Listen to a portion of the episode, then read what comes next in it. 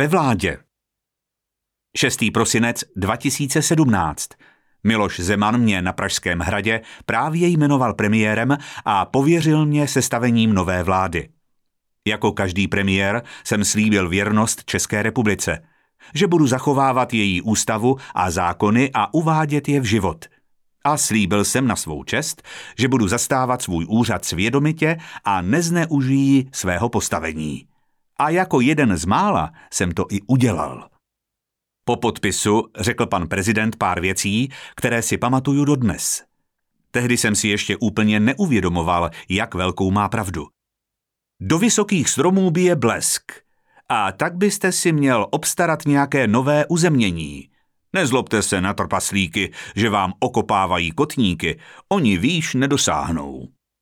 Tohle vydala média. A tak si říkám, jestli je tady ještě někdo, kdo to o mě neví, tak si to přečtěte. Životopis nově jmenovaného premiéra Andreje Babiše. Od 26. října 2013 poslanec parlamentu České republiky. Osobní údaje.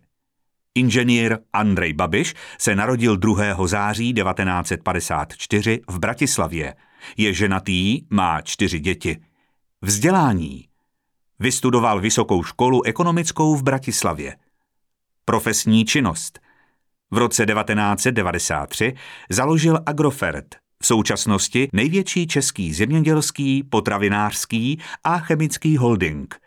V roce 2016 byla i přes prezidentské veto schválena změna zákona o střetu zájmů, přezdívaná též Lex Babiš, která vládním činitelům zakazuje vlastnictví médií a přijímání státních dotací prostřednictvím jejich firem. V roce 2017 tedy Andrej Babiš převedl veškerý majetek svých firem do dvou svěřenských fondů.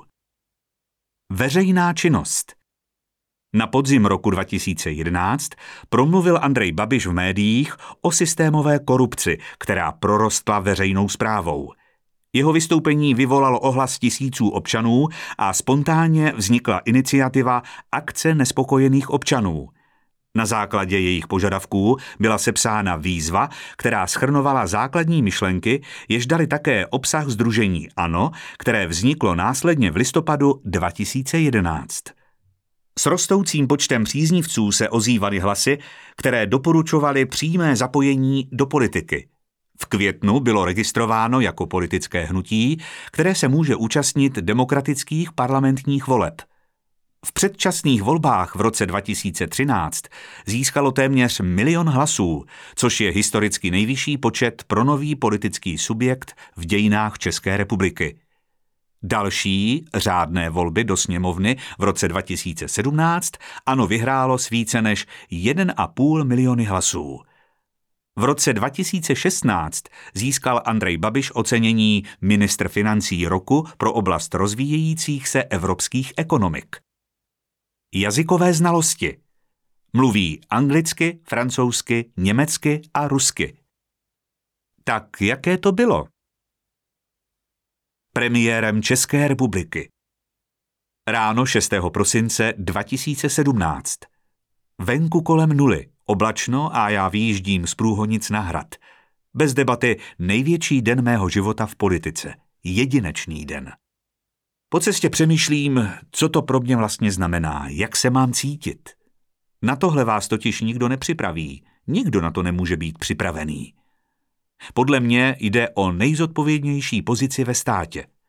Všechny oči jsou upřené na vás, ačkoliv reálně jste až čtvrtý nejvyšší ústavní činitel. Ačkoliv rozhoduje hlavně sněmovna, prezident a spousta dalších ústavních činitelů. Ale všichni sledují hlavně vás – je to obrovský závazek a čest. Chtělo mě tam 1 milion 500 tisíc 113 občanů České republiky, ale zodpovídám se úplně všem do jednoho. Každý z nich vás může kritizovat. A bude. A nepochopte mě špatně, jsem za to rád. Každý občan na to má výsostné právo a pokud má kritika hlavu a patu, jsem za ní vděčný. Nikdy jsem si nevážil lidí, kteří se mnou ve všem souhlasili. Naopak. Okolo sebe chci lidi, kteří ví, o čem mluví a jsou schopni se se mnou i pohádat. Když jdem do detailu, bývám opravdu tvrdý. Kdo to vydrží, vydrží i se mnou. Třeba několik let, i víc. Byl jsem vděčný, že jsem měl jako nový premiér obrovskou zkušenost s řízením firmy a taky s řízením lidí a tak jsem věděl, jak dát zemi co nejrychleji do pořádku. Připadá vám, že svoje předchůdce moc kritizuju? Ale zeptejte se sami sebe, kdo z bývalých premiérů byl opravdu manažer. A kde měli ty manažerské zkušenosti asi získat? V politice těžko. Jasně, ve vládě to bylo zpočátku těžké, někdy fakt brutál, ale čím déle jsem ve funkci makal a rozkoukával jsem se, tím víc mi bylo jasné, že právě tohle je moje místo, že se tady cítím ve svém živlu a že právě odtud můžu nejvíc pomoct lidem. Asi víte, že jakmile se stanete premiérem, automaticky jste už tuplem nejsledovanějším politikem v zemi – Novináři monitorují každý váš krok a doufají, že na vás něco najdou. Za všechno můžete. Jakýkoliv neúmyslný přešlap premiéra je vždycky víc než velká kauza kohokoliv jiného a proto po něm vždycky nejvíc jdou. Co se týče mé politické kariéry, nenašli nikdy vůbec nic. Dělám zdarma. Všechno si platím sám. Tak si vymysleli čapí hnízdo, dluhopisy, střed zájmů uměle vykonstruované aféry. Útočí na moji rodinu, na mé nejbližší. Každý den mého života v politice.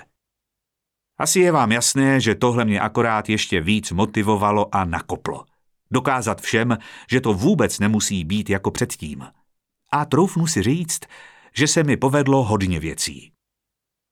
Teď vás vezmu na průlet tím hlavním, co jsme udělali pro lidi – Zkrátili jsme to z několika set stran textu na to nejdůležitější, protože nechci, abyste mi u dlouhých výčtů a tabulek usnuli. Rve mi to srdce, ale snad se to učíst dá. Tak stručně, jedem.